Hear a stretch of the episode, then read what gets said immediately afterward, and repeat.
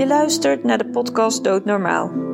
Ik ben Winnie Bos van Doelawijzer en in deze podcast ga ik in gesprek met professionals die met de dood in aanraking komen en hoor je persoonlijke verhalen over het levenseinde.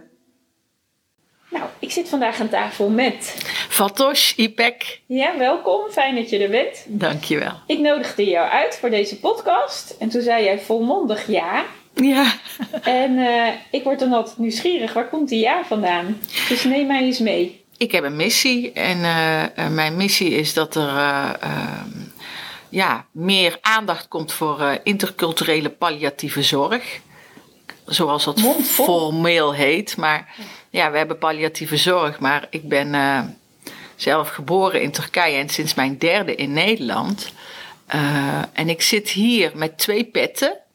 Ik zit hier als uh, Fatosh uh, Ipek, uh, dochter van migrantenouders. die haar moeder 15 jaar geleden in Nederland heeft begraven. Mm-hmm. Um, en mijn moeder was de eerste islamitische patiënt in een katholiek hospice in Brabant. Dus ik zit hier ook als ervaringsdeskundige. Ja. Uh, wat ik toen allemaal heb meegemaakt en, uh, en niet heb meegemaakt. Mm -hmm. Want ik begrijp nu dat er heel veel mogelijk is, maar dat is niet tot mij gekomen. En helaas heeft mijn vader Alzheimer. Dus wij maken nu, of ik maak, wij als gezin, ik heb twee broers maken we een nieuw rouwproces mee met mijn vader, die Alzheimer heeft en uh, in een verzorgingshuis woont, in een verpleeghuis. En mijn tweede pet is uh, de professional die uh, inclusief beleid wil. En daarmee, dat is ook weer zo'n chique, twee chique woorden, inclusief beleid. Maar eigenlijk vind ik dat al het beleid in Nederland rekening moet houden met alle burgers of alle burgers moet meenemen in, als een diversiteit. Dus ik ben projectleider mm-hmm. van het project In Gesprek over Leven en Dood uh, voor VAROS. VAROS is het expertisecentrum om gezondheidsverschillen tegen te gaan. En uh, zij hebben een paar jaar geleden met subsidie van ZonMW die zeiden ook van hé, hey, we moeten wat doen met dat interculturele. De, de, de burgers worden divers. Zijn er uh, films gemaakt, een heleboel films, voor vier doelgroepen: de Chinese, Antilliaanse en de Turkse en de Marokkaanse doelgroep. En ook in die talen. En er zijn verschillende hoofdstukken. En met die films uh, proberen we kennis over te dragen aan de professionals die hè, er nu mee te maken krijgen in het ziekenhuis, in het hospice. Uh, want destijds was mijn moeder wel de eerste, maar inmiddels komen er veel meer. Ja. ja. mensen sterven ook hier. Vijftien jaar geleden was mijn moeder de eerste. En ja, wij geven voorlichting aan en trainingen aan professionals, maar ook aan de burgers. Dus wij zitten bijvoorbeeld in een moskee, hebben we in Dordrecht een keer een voorlichting aan Turkse vrouwen gegeven. Mm-hmm. Dus ja, op dus verschillende manieren. Ja. ja. Hey, en vertel eens over, uh, laten we daar eens beginnen, want, want daar begon je eigenlijk mee. Jouw moeder, die 15 jaar geleden is overleden. Wat, wat, wat, hoe heb je dat ervaren? Wat is daarin gebeurd? Want je zei, ik heb daar dingen in gemist die ik niet wist. Ja, het is een, uh, als ik eraan terugdenk, het is een trein die rijdt. Hè. Mijn moeder uh, was 40 toen ze kanker kreeg en ze heeft eigenlijk uh, 13 jaar gevochten. Ze was 53 toen ze uiteindelijk overleed. Mm-hmm. En wat ik gemist heb is begeleiding en aandacht voor ons. Kijk, wij gingen allemaal in de actiestand. En uh, mama ging naar de huisarts. Ik was een jonge vrouw. Ik was net getrouwd. Ik, ik studeerde. Nee, ik was niet net getrouwd. Ik studeerde toen mijn moeder de eerste uh, kanker kreeg. Toen was ik net gaan studeren. Dus je, je, je rouwt terwijl je uh, met je eigen leven be bezig bent, met je eigen identiteit. En in de laatste fase. Ik weet niet eens of, of termen als palliatieve fase zijn gebruikt. Of, ik, wist, ik weet alleen ja, dat ze doodging. Hè, dat, ja, uh, alle, dat was wel duidelijk. Ja, Ja. En eh, mijn vader die raakte overspannen. Want eh, eh, eh, mijn moeder probeerde echt. Die heeft alles eruit gehaald wat ze eruit kon halen. En dat zie je vaak in de Turkse cultuur. Hè? God bepaalt. En mijn moeder wilde onze huwelijken zien. Ze wilde kleinkinderen zien. Eh, toen ze ziek werd, toen eh, waren we nog niet getrouwd. Hè? Geen van allen. Maar ze heeft mijn huwelijk gezien. Ze heeft onze twee kinderen gezien. Ze heeft het huwelijk van mijn broer gezien. Dus zij wilde behandelen, behandelen, behandelen, behandelen. Tot het niet meer kon. En dat weet ik nog wel. Maar wat, wat, wat ik, als ik erop terugkijk en vanuit mijn professie weet ik nu wat er allemaal mogelijk is. Je hebt levenseinde coaches. My god, had ik die maar gehad. Je hebt eh, geestelijk verzorgers. Nou ja, mijn moeder had er wel een, maar de, voor de mantelzorgers, voor de naasten, was er niemand om mee te praten. En ik denk, ik vind het heel jammer dat mijn vader niemand had om mee te praten. Dus in de laatste acht maanden in het hospice heeft mijn moeder dus hele fijne gesprekken gevoerd met de geestelijk verzorger. Toen viel voor haar alles in een, op een plek. Maar daarvoor, in die tien jaar, zij ging heel vaak naar de huisarts. Mijn moeder heeft totaal geen geestelijke verzorging gehad. Met haar angsten, met haar pijnen, met haar verdriet. En eigenlijk eh, ben je heel lang aan het rouwen. ja, en eigenlijk is het stervensproces bij je moeder dus eigenlijk 13 jaar geweest. Ja, dat zeg je goed. Ja. En dat is een heel lang proces en dat onderschatten wij tegenwoordig wel in deze tijd waarin we leven. En dat was natuurlijk 15 jaar geleden ook al zo. Is dat door heel die medicalisering en als we eenmaal beginnen met behandelen, dan rekken we wel ontzettend ons leven. Maar daarmee maken we ook ons stervensproces eindeloos lang. Ja, En dat Nou- doet iets met, hè, met, met jou als, als achterblijvende dochter. Maar ook met haar. Ja, het ging, want het ja. ging allemaal over dat medicaliseren. Het ging allemaal over eh, wat er op papier nog kon. Wat er nog medi... Maar, maar we, eh, dus het hoofd. Maar we hebben helemaal niet eh, aandacht gegeven aan het hart. En, en we gingen maar door. En ik heb later de klappen gekregen. En ook het, de, de, de begrafenis zelf, hè. Het was vreselijk. In de zin van, ja, ik had nog nooit iemand begraven. Eh, ik ben niet heel erg islamitisch opgevoed. Ik had nog nooit een islamitische begrafenis meegemaakt. Maar rituelen, we hebben maar wat zelf eh, verzonnen. Ik had een tas Want met... je, je moeder had wel een islamitische begrafenis dan. Ja, Oh ja. dus op een gegeven moment gingen we dat. eh, Nou, toen, je, toen we bij het hospice kwamen. Ja, moesten we praktische zaken. Kregen we vragen, hè, praktische zaken. En eh wij werden heel fijn begeleid. Zij waren ook in paniek, hè?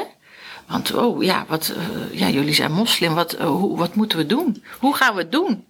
Ik zeg, ik weet het ook niet. Ik heb toen fantastisch contact. Ik heb nog steeds met haar contact, Annie.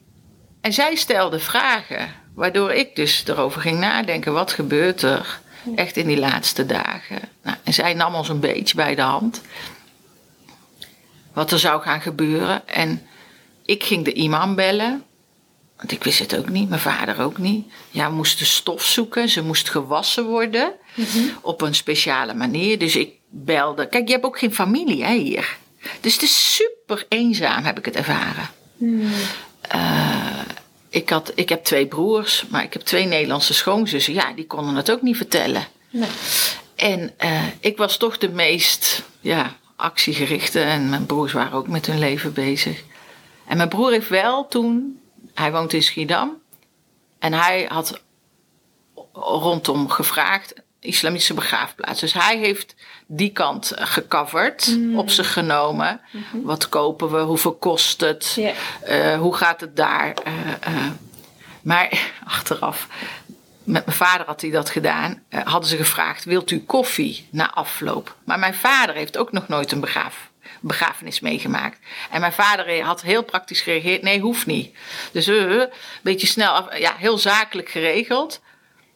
Eh, de begrafenisonderneming is een islamitische. Het is vanuit het ministerie in Turkije. Alle Turkse mensen zijn bijna daar eh, verzekerd. Het is maar 50 euro per jaar. Dat is een vereniging of stichting, hè, omdat steeds meer gastenwijders hier overlijden. Eh, en die zeiden: joh, eh, eh, geen probleem. Als uw moeder overlijdt, dan belt u. En wij, wij regelen. Wij, hè, voor hun was dat lopende bandwerk. Maar uiteindelijk toen mijn moeder overleed en wij stonden daar, het regende, heel ongemakkelijk. En ja, mensen vroegen ook aan ons hè, of ze koffie gingen krijgen. Maar we, weet je, het was net, niemand nam ons bij de hand. En wij hebben ook niemand ingehuurd, hè, dat kan nu. Ja. Maar mijn vader zei dus tegen mijn broer toen... Ja, kunnen we niet koffie in dat gebouwtje krijgen? En toen zei mijn broer, ja, maar papa, dat hebben we niet. Uh, weet je, dus snap je? Het was, oh, het was zo'n slechte film, dat wil je niet weten. En die Turkse begrafenisonderneming... Ja, want heeft hij ja, dan niet iets geregeld? Die was verschrikkelijk, ja. Ah. Ze, die we, ja. Ah. Ze, die we, Echt dus dat er een speciale organisatie ja. is voor de, voor de migranten? Gewoon in de breedste zin van het woord? Voor, voor de Turkse gemeenschap is er een vereniging of een stichting. Ze mhm. zitten in Den Haag. Ze zijn nu veel beter hoor. Want ik heb nu voor het over. Mijn vader zit in de laatste fase. Heb ik, en ik wil niet, echt niet dat de film zich herhaalt. Heb ik al contact gehad uh, met. Dus ze zijn nu. Ik denk dat ze gemoderniseerd zijn. En ik denk dat ik pech had. Hmm. Wij hadden pech omdat er een vies Volkswagen busje kwam in het ziekenhuis. Echt, ik viel bijna flauw. Hm? Zij zeiden als het gaat gebeuren. En bijna iedereen is dus daar verzekerd. Dat is bijna een, ja, een must. Zij zeiden bel ons, want wij weten wat er gaat gebeuren. Ik heb ook op papier geschreven voor de verzorgers wat er gaat gebeuren. Dus zij wisten ook hè, dat A4'tje, hm. omdat er was niks. Hè? Nou, ik bel. Komt er een zwarte wagen met vlaggen met kruisen erop. En een vriendin van mijn moeder was er en die zei: Goh, is dit de auto voor die jouw moeder komt halen? Ik zei: Nee, eh, tante, want uh, zij hebben hun eigen auto's. Maar wat denk je? Kwamen er dus twee keurige mensen die, die precies weten hoe ze hè, moeten communiceren. En ze zei, wij komen van mevrouw Demir. Ik zei, u bent met die auto? Ja, want ik had ze zo door het raam zien aankomen. Ik zei, maar wij zijn moslim. Ik vond zo gewoon dat beeld, dat vergeet ik nooit. Nee. Ik ken die wagens, maar dat die vla En hij zei, wij kunnen ze eraf halen, mevrouw. Dus hij is ze gelijk eraf gaan halen. Het, het slaat nergens op, weet je. In de zin van, wat maakt het nou uit dat de vlag op zit? Maar het paste niet bij mijn moeder en bij wie wij zijn. Vlaggen weg. Vervolgens is mijn moeder, wij, moesten wachten op familie, mijn neef en mijn oom, het broertje van mijn vader, die kwamen uit Griekenland. Dus wij moesten ook heel on-islamitisch, want eigenlijk moet je binnen een dag. Dus zij moesten via Athene uh, vlucht vinden. Dus we hebben zo snel mogelijk het gedaan. En in het mortuarium werd mijn moeder opgehaald. Je bent al hartstikke verdrietig. Mijn schoonzussen die mij vragen stellen: wat moeten we doen? Hoe gaat het gebeuren? Ik heb een zeemantas vol hoofddoekjes gevuld. Want ik dacht, dat wist ik wel, dat de vrouwen hun hoofd moesten bedekken. En we zijn met 150 over de snelweg naar Schiedam gescheurd. Van Roosendaal naar Schiedam. Ik vergeet nooit meer. We raakten mensen kwijt. Je had toen geen tomtom. We zijn door de straat van mijn moeder gereden waar ze woonde. Omdat de buren afscheid wilden nemen. Hè? Een laatste groet. Maar die bus was vies. En die man deed de bus open weer niet. En er lagen twee kisten in. Dus ik zei, waarom liggen er twee? Waarvan wist die andere? Ja, en toen zei uh, die man, ja, wij weten nooit wat de maat is. Dus ik neem altijd grote en een kleine. En stof. En uh, het, was, het, was, het was een slechte film. Maar het was traumatisch. Ja, ik kan het zeggen. Het is meer ben er nog de indruk die het bij je achter heeft gelaten. Dat je, ja.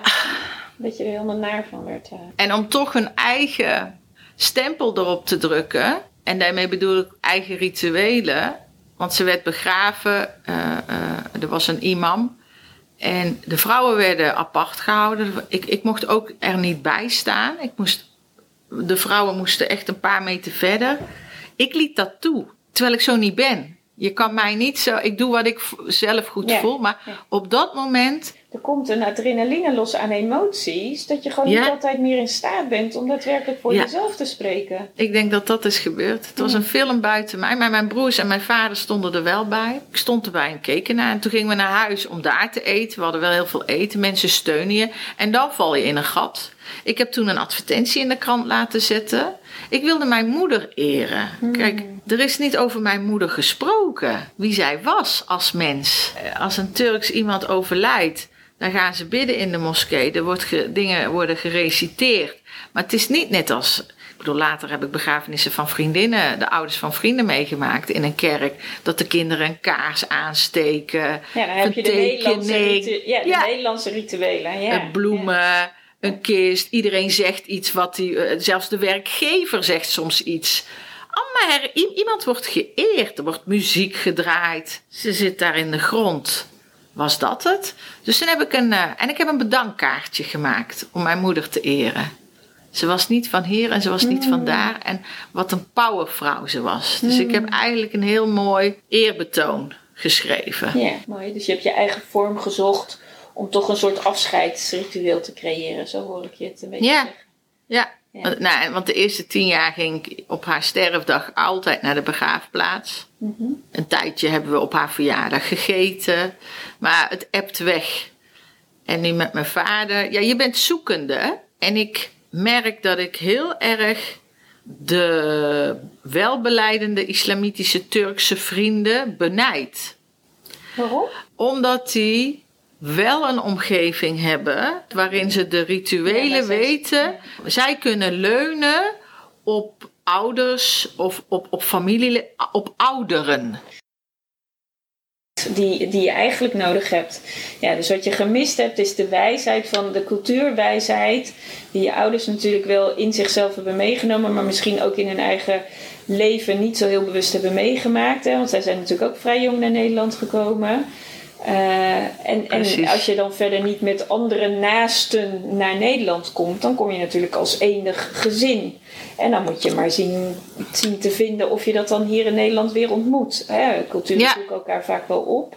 Maar wil niet altijd zeggen dat je daarin de goede vindt of de wijsheid vindt uit die cultuur. Nou, ze zocht- cultuur. Zochten elkaar op, klopt. Ieder Ja. weekend ze, er- was een hele kaartenclub en eh, samen eten. Maar dood was nog geen issue. Nee. Ze waren allemaal aan het opbouwen. Ja, precies. Zij staat in een hele andere levensfase. Ja. En zeker als je natuurlijk 40 bent. Ik bedoel, eh, waarop je moeder begon met haar, met haar ziek zijn. Ik bedoel, dan ben je Ja. bezig en je gezin te stichten. Of je hebt kinderen die groot worden en Ja. die een eigen gezin stichten. Dan ben je midden in het leven. Je bent midden in de opbouw. Zit je, dan denk je niet na over, nou het kan morgen over zijn. En er is wel één keer een traumatisch. Hun beste vrienden hebben hun zoon op, hun 18, op zijn achttiende plotseling verloren. Maar wat je in die tijd ook zag was. En wat je nu ook, ook veel ziet, maar steeds, eh, het, het, het, eh, er komt wel een kentering in. Hè? Mijn Ja. moeder is hier begraven. Iedereen wordt in Marokko of in Turkije begraven. Iedereen wil Ja, terug. Dus die jongen werd ook. Dus zij hebben wel die vrienden bezocht. Maar de, de begrafenisplechtigheid en alles ging met het vliegtuig en die familie naar Turkije. Gebeurde daar. Dus zij hadden ook niks om. Ja, er was geen referentie. En hoe doe je dat dan nu met je vader? Want hoe wil je dat dan straks met je vader? Dat weet, weet ik niet. We hebben discussie gehad, namelijk. En ik laat het nu los. En de discussie was: ik denk dat mijn vader. In, die wilde naast zijn ouders op kost begraven worden. Eh, maar mijn broer zegt: ja, daar kan ik me niks van herinneren. We hebben wel dit keer een dame die op mijn pad is gekomen. Zij is uitvaartverzorger. Een jaar geleden is mijn vader gestopt met eten. En toen kwam het heel dichtbij, want toen zei de arts van het huis: Uw vader gaat binnen, in dit tempo binnen twee maanden overlijden. Bereid zijn begrafenis maar voor. Deze dame, Caroline, die is toen bij ons thuisgekomen, mijn schoonzussen. We hebben aan tafel gezeten en die stelde vragen die nog nooit aan ons zijn gesteld. Of die wordt opgebaard en op- eh, waar we afscheid willen nemen. Want wij, wij kunnen niet naar een kerk en in een moskee. De, de kist kan wel naar de moskee. We hebben dus heel veel Nederlandse vrienden en familie. Dus zij zei: Wat willen jullie? En wij zeiden: Wij willen eigenlijk dit keer wel iets zeggen. Of iemand laten oplezen, dat kon zij ook. Of misschien de kleinkinderen een foto. Of... Dus zij stelde vragen.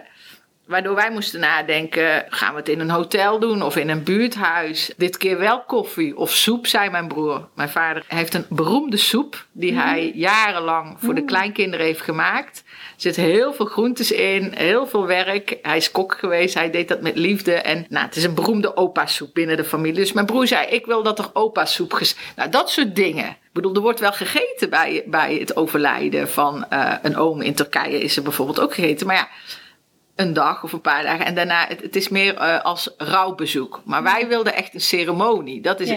En dat heb je. Dus hoe, eh, eh, ja, hoe, hoe we het willen, ik vind het heel moeilijk. Omdat ik al afscheid heb genomen van mijn vader. Al. En hoe lang heeft hij al Alzheimer? Tien jaar. Oh ja. En hij, hij, hij herkent je ook echt niet Nee. meer? Nee. En ik heb heel erg het idee dat ik weg wil als hij overlijdt. Iedereen mag het doen. Hmm. Laten we het maar. Ik heb heel veel geregeld in die tien jaar. Ik heb mijn vader heel vaak verhuisd. Ik heb ook dat, dat mantelzorgen vind ik ook eenzaam. Daarom schrijf ik er ook over. Ik weet niet wat ik ga doen. Maar het raakt je wel. Ja, ik vind het heel moeilijk. Ja. En is die eenzaamheid dan het grootste... Ja, het is zo'n ding, Winnie. Het is zo. Het gebeurt maar één keer, hè? Hij gaat één keer dood. Ja, dat, dat maakt het ook echt heel... eh, Ik heb alles al gezegd. En ik heb alles al gedaan. Ik heb ook heel erg van: het is van mij, dit verdriet. Ja. En kom daar maar even niet aan. En mensen willen er ook niet aankomen. Mensen voelen zich ook heel ongemakkelijk. Dus mijn eh, vrienden, eh, mijn man. Iedereen vraagt wel, hoe gaat het met je vader? Maar over je diepst, en dat is denk ik wat me raakt. Ja, je, je Of- diepste zielenroersels. Ja, ja, Ja, die, die blijven onbesproken eigenlijk. Of die blijven in jou. Om- ja, ja. En dan moet je dan in je eentje... in jou, ja. Ja. Dat zeg je. Het, de, de pijn, het is eigenlijk pijn. Mhm. En mijn vriendin die zei, maar Fatosh. Want heel veel mensen vinden het ook heel lastig als je huilt. Hè? Dat Ja. vind ik ook als, als iemand huilt. En, oh, wat moet ik doen? Help. Maar je hoeft niks te doen. Laat en en, en eh, ja, zij zei ook, schat, huil maar. Want dat, je, dan reinig je. En misschien huil ik te weinig. Hmm. Moet ik meer huilen. Want je gaat door. En ik zie dat om me heen ook, hè? dat is een je gaat door. Ja, overlevingsmechanisme hè, die we hebben om dan Ja. maar uit, dat, uit die pijn te blijven. Want het is natuurlijk heel confronterend als je in die pijn gaat zitten. ja. Volgens mij zie ik zie nu aan je dat je hem heel erg voelt. Ja, en ik Ja. druk het weg, Ja, want ik krijg dan hoofdpijn. Je bent even, niet even, ik ben zo uit het veld geslagen eigenlijk. En ik weet zeker dat er meer mensen dit ook hebben, maar we zoeken dit niet op. Ik heb een hele goede vriendin en haar moeder is plotseling overleden. En ze zit er onwijs mee. En haar nichtje is kort erop overleden. En we wandelen samen op het strand. En ze kan er gewoon niet mee dealen. Nee, en, Of ze is, deelt ermee door niet over te praten. precies. Ja. En voor sommige mensen is dat soms enige tijd de manier hè, om het Ja. allemaal weg te stoppen. Ja. En ik geloof er wel heel erg in dat dat gaat ook voor een bepaalde periode lukt dat ook. Ja, Totdat er iets in je leven gebeurt waardoor het echt op tafel moet. En dan kun je er ook gewoon niet meer omheen. Tenminste, dat is in ieder geval hoe ik het wel bij veel mensen ook zie. En er zijn ook mensen die presteren. Hè, kijk naar al het, alles wat in de oorlog is gebeurd. En daar zijn gewoon mensen die tot aan hun dood er geen woord over reppen. Hè, en die Ja. houden dat gewoon. En, en, en in, in alles kun je voelen: het is er. ja, Weet je, de ander voelt, het is zo aanwezig. En toch wordt er alles aan gedaan om uit die woorden te blijven. Omdat dat zo'n intense pijn raakt. uit die woorden. Dat is een hele Ja. Ja. Ja, je blijft gewoon uit die woorden. Want zodra je er een woord aan geeft, erken je dus in jezelf dat het er is. En dan kan het zo woesh. Ja. En dan komt die, die bubbel die echt in je zit, die, die, die, die, moet- die wil er dan uit. Ja. Die zit daar natuurlijk al al Ja. die tijd te Ja. vroeten. We hebben daar allemaal ons eigen moment voor nodig. Om onszelf daarin toe te staan, mag het er zijn. En het enige wat we dan van een ander nodig hebben, is een luisterend oor. Maar wat zijn die momenten? We hebben momenten nodig, zeg jij. En ik, vraag me, ik vroeg me af, wanneer komen mensen bij jou? Wanneer eh, is het als ze een burn-out hebben? Of hè, wanneer? Want dit, dit loopt al een hele tijd. Ik weet dat ik daar verdriet van heb, maar wanneer? Nou Ja, ja, kijk, moet dat, is, het dat Ja. is een beetje het lastige aan, aan, aan weet je, levenseinde coaching. Veel mensen kennen van het bestaan niet dat het er is. En, en hebben eh, geen weet van het feit dat je op een langere eh, periode, niet alleen emotioneel, hè, want dat doet heel erg de geestelijk verzorger, maar dat er zoveel andere dingen zijn die je kunt regelen nog voor het Ja, overlijden. ja. Weet je, je hebt misschien een huis, dus dan is er financieel iets te regelen. Ja, Maar er zijn meer dingen op financi- financieel vlak die je kunt regelen. Er zijn praktische dingen. Misschien heb je spullen in je huis die je het liefst zelf nog aan iemand wil geven. In plaats van dat iedereen er maar over loopt te vechten. Van oh, dat is voor mij bedoeld, hè, zeg maar dat. Ehm, maar er zijn ook misschien mentale dingen die je voor jezelf aan een onbekende wil uitspreken. Die je niet aan je naaste durft te zeggen, Ja. maar die je wel ergens kwijt wil. En ik geloof dan altijd onbekende ogen. Ja. eh, die, die, die zetten soms luikjes open eh, die bekenden niet kunnen. Dat kan heel, heel, heel openend zijn om dat leven los te laten. Want het is nogal wat, hè, het leven loslaten. Ja. Dus daar zitten ook heel veel dingen in. En, ehm, en ik geloof spiritueel. Want mensen die sterven, Mm. eh, daarvan hoor je ook heel erg veel de verhalen dat zij al contact hebben met mensen die in, ja, ik noem dat dan in, in de andere wereld, ja, Ja. Ja, ja. ongeziene wereld gevend een woord, maar die hebben verbinding met mensen die al gestorven zijn. Want die halen hun van hier Hm. om, om naar dat andere te gaan. Maar daar praat niet iedereen over. Maar al die pra- praktische dingen hè, die jij noemt, dat, dat hebben we allemaal al eh, bewandeld. We hebben, eh, eh, wat ik zeg, we, no- we nemen al tien jaar afscheid. Dus toen hij naar een verzorgingshuis ging, hebben we in, in één maand, vier weekenden, hebben we het huis opgeruimd. Dus je Ja. neemt afscheid van spullen, inderdaad. Ik ben een paar jaar later naar Turkije gegaan, want hetzelfde eh, riedeltje heb ik in Turkije eh, eh, Ja. doorgegaan. Daar heel veel weggegooid, heel veel gehuild. Eh, eh, want je gaat allemaal door spullen. Ja, ik heb ook gelachen het zijn allemaal, zijn allemaal Ja. herinneringen die je door jou ja, heen ja. krijgt. Dus je nee, afsluiten, afsluiten, afsluiten. En nu, hij heeft alleen nog wat kleren, want ik mocht zijn tapijt niet mee. Weet je, hij is drie keer verhuisd, mijn vader. En wat hij nu heeft, is alleen wat kleren. Hij heeft niks. Eh, En ik heb eh, een paar persoonlijke dingen nog thuis. Maar als hij overlijdt, hoeven wij bijna niks meer te regelen. En ik moet ook heel erg denken aan mijn man. Hè. Eh, er was een tijdje dat er heel veel van die begrafenisondernemers belden. Van wilt u, ja, een paar jaar geleden, ja, wel acquisitie, stonden we op zo'n lijst. En dan hadden we gewoon een paar keer dat ze zeiden, ja, bent u verzekerd voor begrafenis? En ik, mijn man zei altijd, nee, geen interesse. En, eh, en dan stelden ze nog een vraag. En ik hoorde hem een keer zeggen, ja, als ik dood ben, ben ik dood. Ze, ze kunnen me ook eh, aan de kant van de weg zetten. Het boeit hem echt totaal. Weet je, het is iets van de achterblijvers. Dus hij, hij heeft totaal geen wens. Hij meent het ook, hè? Ja, zo zitten sommige Ja, mensen er ja. ook in. Die Eh, denken echt van ja, dat is niet mijn zorg. Ja. En hij is dan wel eh eh, eh, beleidend moslim. En, eh, eh, en hij weet heus wel dat ik de, de, de rituelen daar zal volgen.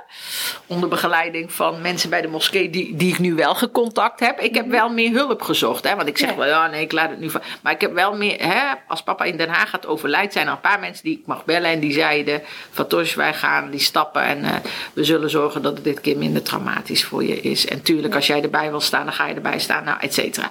Dus dat zie ik al als een ontwikkeling. Hè? In die 15 jaar. Er zijn meer kinderen van twee culturen. Ja. Maar Maar wat jij heel erg goed benoemt, hè, ja, is eigenlijk dat als je het woord levenseinde coach zegt, dan denken we altijd heel erg over het laatste proces. Hè? Dus over de laatste weken, de laatste maanden, misschien wel het laatste jaar. Maar ik zie veel Ja. meer door de veranderende wereld waar we in leven, dat een levenseinde coach veel eerder in beeld mag Ja. En eigenlijk al in beeld mag komen op het moment dat iemand de diagnose krijgt dat je ziek wordt.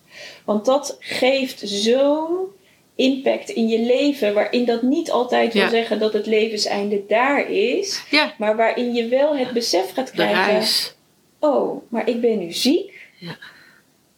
Dus dat kan inhouden dat mijn leven korter kan worden. Ja. Maar en Maar daarnaast, dat nemen, hè? we, dat nemen we totaal niet mee. En dat is dan voor degene die ziek is. Hè? Ja, ja, want je hebt het. eh, ja. Maar wat doet dat met de mensen die daaromheen staan? Want die, die worden daar ook in meegenomen. En die vergeten we. En ik geloof altijd: Ja, het is een interactie tussen mensen met mensen. En degene die ziek wordt, of wat daar ook mee gebeurt, is de aanleiding tot. Ja, ja, En daarover mag je dan met elkaar in gesprek gaan. Maar dan begin je dus met iets heel, heel essentieels. Hè? En dat noemden wij ook al even in het voorgesprek. Communiceren. Dat is echt een dingetje. Want wat ben jij in, jij in jouw gezin gewend geweest aan communicatie? Hoe ging dat vroeger? Hoe deden jullie dat met Ja. elkaar? Waar kon je het met elkaar over hebben? Ja. Kon je het hebben over de essentiële dingen van het leven? Was dat bespreekbaar? Als dat niet bespreekbaar is geweest, dan heb je een enorme brug te overwinnen als daar wel een behoefte ligt. Ik heb een oudere broer. Ik, Ja. ik zit er tussenin, letterlijk en figuurlijk. En, ehm, en ik, eh, we hebben een eh, na- nakomer, die is zeven jaar jonger. Ik ben 50, mijn broer is 52. mijn ouders hadden heel erg van de oudste, de oudste. Die, die, die regelt alles wel, de oudste zoon. Maar die heeft er helemaal, ja, die heeft er niet zoveel interesse in. Die vindt het gedoe. Uh, dus ik ben in een gat gesprongen. En uh, uh, ze hebben daar in het Turks ook een, een woord voor, erkik fatma. Hè? Dat, dat ik als een manwijf oh, ja. de zaken heb geregeld. Mm. En dus eigenlijk is er is ook heel veel pijn in wat ik gemerkt heb aan wat ik wel en niet aan steun krijg van mijn broers. Ja, en dan heb jij ook nog eens het, denk ik, het, het verschil jij bent vanuit Turkije naar Nederland gekomen. Dus jij bent een mengsel. Ja, dat klinkt misschien een beetje raar. Ik ben kind van twee culturen. Ja, je bent een kind van, van twee culturen. En dat kan niet anders dan dat dat met elkaar zich gemixt heeft. Want jij bent op een vrij jonge leeftijd in Nederland gekomen. Dus jij hebt heel erg die Nederlandse cultuur ook meegekregen. En dat maakt dat dat ook in jou zit. En dat maakt dan misschien ook wel dat, dat dat altijd een soort innerlijke strijd in mensen die uit die twee culturen komen.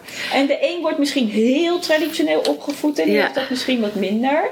En bij jou is dat wel heel zichtbaar. Nou, bij mij is het geen strijd. Het is erkenning. Ik zoek dus de erkenning binnen ons gezin, maar ook binnen de professionals die ik tegenkom. En daarmee bedoel ik, hè, toen mijn vader in het verzorgingshuis ging, uh, uh, wij worden, werden heel gelijk in een hokje gestopt van, oh, hij moet halal eten. En ik had drie uur verteld wie mijn vader was, hè, wie wij zijn als gezin.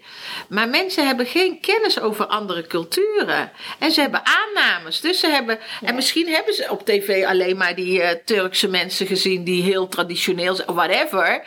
Maar ze, ze, ze zagen mijn vader niet. Dus ze, en, en ze luisterden niet. Nee. Mijn vader hoeft geen halal eten, zei ik. Hè? Hij eet alleen geen varkensvlees. Oh, oh, oh.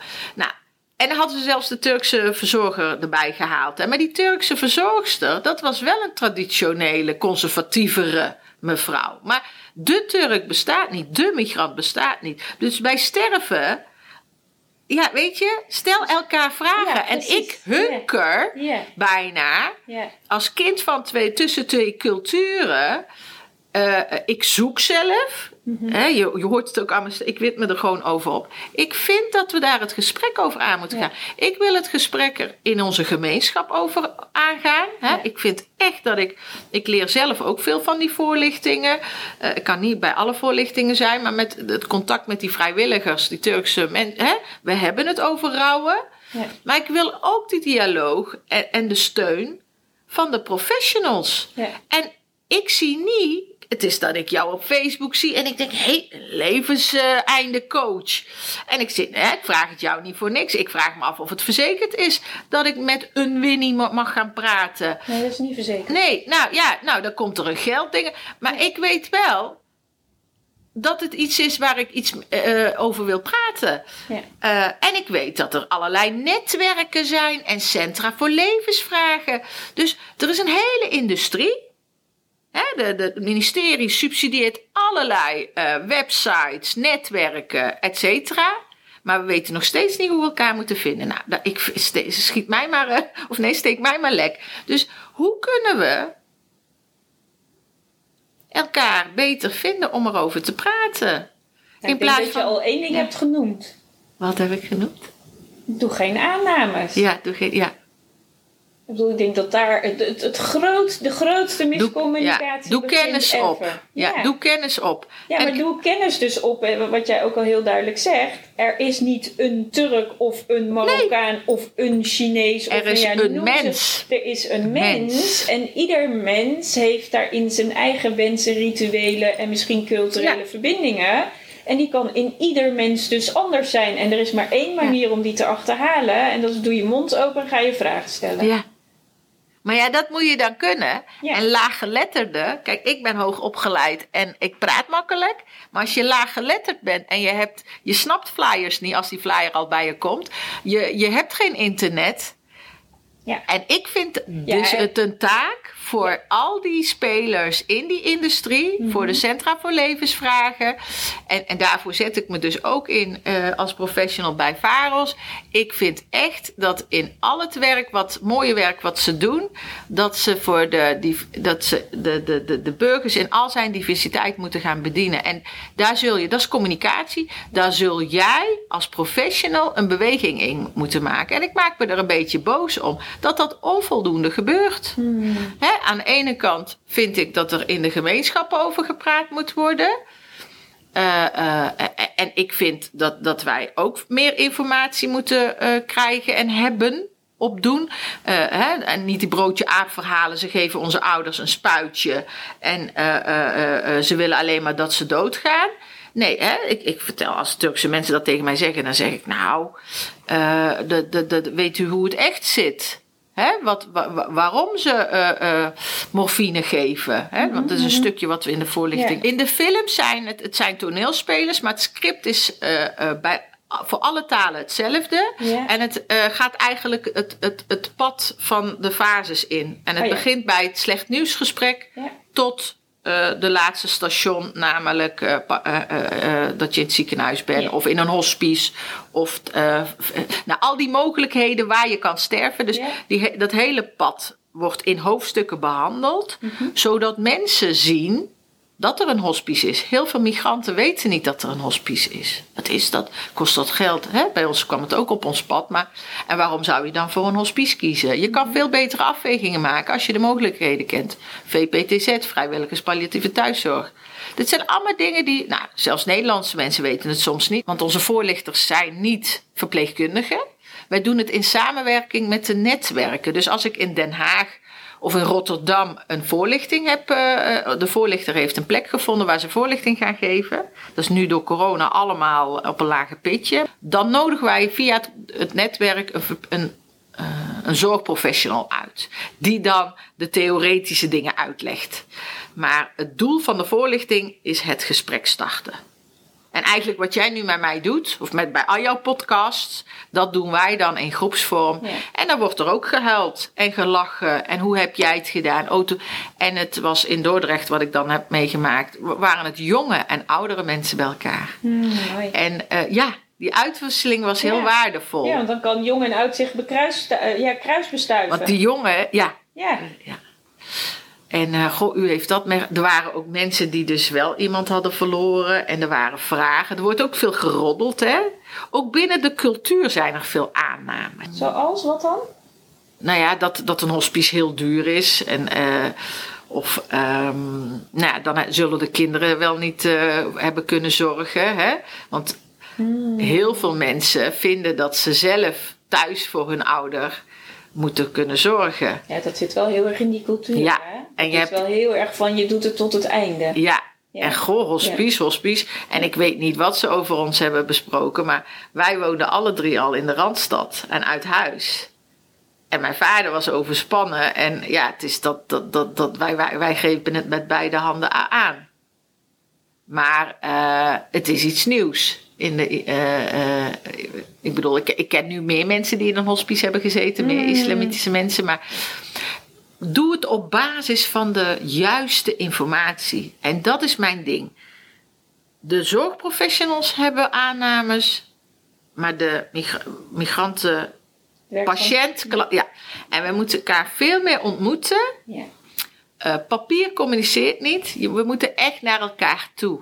Net zoals ik hier naar jou ben gekomen, net zoals onze voorlichters Ja. naar de moskeeën gaan. En niet alleen moskeeën, want niet iedere Turk gaat naar de moskee. De huisarts zei ook altijd, eh, toen mijn vader eenzaam was... ja, waarom gaat hij niet naar de moskee of naar het café? Ja, daar hield mijn vader niet van. Weet je, de... Het is maatwerk. Maar wat heeft mijn vader nodig? Ja, hij heeft vrijwilligerswerk gedaan in het inloophuis. Dus kijk naar de mens. Eh, maar doe dat op basis van kennis. En ik denk dat er nog een wereld te winnen is. Het onderwerp interculturele palliatieve zorg op hun werkplannen zetten. Niet van, oh, dat doen we er even bij. Het moet een vast onderwerp zijn in hun werkplan. En ik snap niet dat het ministerie van VWS dat niet eist. Het is geen voorwaarde. Dus het is eh, willekeur. Ik heb, eh, hè, ik heb contact met tien netwerken. En eh, ja, de- de- de- de- er zitten fantastische mensen bij die eh, heel goed mij opzoeken, die heel goed delen, die, die, die eh, ook netwerken. Die, en er zijn erbij die, nou ja, het past niet binnen ons werkplan. Jij noemt het heel specifiek op die intercultureel, maar wat voor mij echt de, ro- de grootste rode lijn is. We hebben altijd en alle tijden in deze fases te maken met mensen. En mensen komen allemaal vanuit verschillende achtergronden. Mhm. En ook een Nederlander, ik bedoel, of je nou een Fries of een Limburg naast elkaar Ja. zet, dat is ook al een wereld van verschil. Iedereen heeft ook. Weet ja. je, dus we hebben met mensen te maken. En omdat we met mensen hebben te maken, moeten we gewoon geïnteresseerd in die mens zijn. Ja. En daar het gesprek mee aangaan. En gewoon heel erg op zoek gaan. Waar heb jij behoefte aan? Wat is voor jou belangrijk? Wat wil jij nu nog? Nou ja, noem het maar op. Al die vragen die je kunt stellen. En gaandeweg dat Heel gesprek. goed. Als je maar gewoon blijft doorvragen. En maar blijft zoeken naar wat, je, wat er nodig is om met elkaar Ja. goed te besluiten. Want het is, weet je, het is niet alleen een besluit van eh, één partij. Het is iets wat je samen creëert. En waar je uiteindelijk komt tot, oké, en dit is dus wat, Ja, en wat jij nodig hebt. en wat jij nodig hebt. Er is niet één soort mens. Nee. Wat je nu ziet aan het aanbod. Hè, er is een centrum. Het is heel erg aanbod. Ja, het is aanbod En, gestuurd. en ja. het, het is het makkelijkste. En dat, dat doen heel veel profes- om, professionals. Om één soort klant in beeld te hebben. Hè, want je bent zelf hoog opgeleid. Ze vergeten. En dan zeggen ze: Ja, we hebben een flyer gemaakt van Tosh. En dan zeg ik ja, en dan kijk ik naar die flyer. Totaal niet op B1-niveau voor lage, lage letterden. Wat zijn lage letterden? Dus als we het hebben over mensen en over communicatie. Ik, ik nodig echt, ik denk, eh, eh, die, al die professionals uit. Of het nou in het ziekenhuis is of bij die Centra voor Levensvraag. Maar ook bij het ministerie. Ook bij het overkoepelende, eh, hoe heet die, fibula al die instanties, als ze de mens in, in ogenschouw nemen, dat ze willen iedereen helpen, dat ze de diversiteit van die mensen, maar ze gaan nu uit van de witte, hoogopgeleide, talige mensen. Dat kan niet. En er gaan dus heel veel mensen dood. eh, of mantelzorgers die, die, die lijden in stilte, omdat die hele industrie eh, niet in staat is om, om, om die mens te vinden, omdat ze uitgaan van één, eendimensionaal mens. Ja. En dat is eigenlijk wat ik wil. Ik wil niet dat mijn kinderen meemaken wat ik meemaak. En eigenlijk, dat is misschien een mooie afsluiting, wacht ik om gevonden, bediend te worden. En ik heb je- zelf wat bedoel je daarmee? omgeholpen. Ik ben zoekende. Als, ik, heb nu een heel, ik kan hier ook uren over. Ik heb Ja. gehuild, ik, heb ge- ik schrijf. Ja. Ik deel. Ik heb op Facebook die pagina in gesprek over leven en dood. Ik spreek professionals, ik werk als professional. Maar als, als dochter van. Ik weet dat er heel veel is. Ik heb jou gevonden, Ja, ja. maar jij kost geld. En ik bedoel, wie gaat mij vinden om mij te. Ze, ze zijn er ook voor mij. Ze worden van mijn belastinggeld betaald. Dus ik ben benieuwd wie na het beluisteren van dit, deze podcast mij, mij kan helpen. Want ik, ik zie door het bos de bomen niet. Nee, je bent echt het hele. Wat je, wat je zoek bent, is, is hoe. Hoe is het nou in hemelsnaam georganiseerd? En op welke deur klop ik als ik wat nodig heb? Ja, Dat is en ik klop wel, vraag. maar Ja, je kan op allerlei deuren kloppen. Ja, ik heb het telefoonnummer nu van het verzorgingshuis van de geestelijk verzorger. Nou, die moet ik nog bellen. Ik hing, hing het, eh, huilend aan de telefoon, omdat hè, corona, ik mocht mijn vader een tijdje niet bezoeken. Maar ja, op de een of andere manier heb ik haar toch niet, nog niet gebeld. Ik lees jouw dingen, ik luister podcasts. Ik ga naar mijn huisarts, maar die, ja, en misschien ben ik niet expliciet genoeg. Ik slaap slecht. Weet je, wat moet ik doen om eh, een geestelijk, en geestelijk verzorger, hè, islamitische vrou- vrouw die ik dan eh, ontmoet?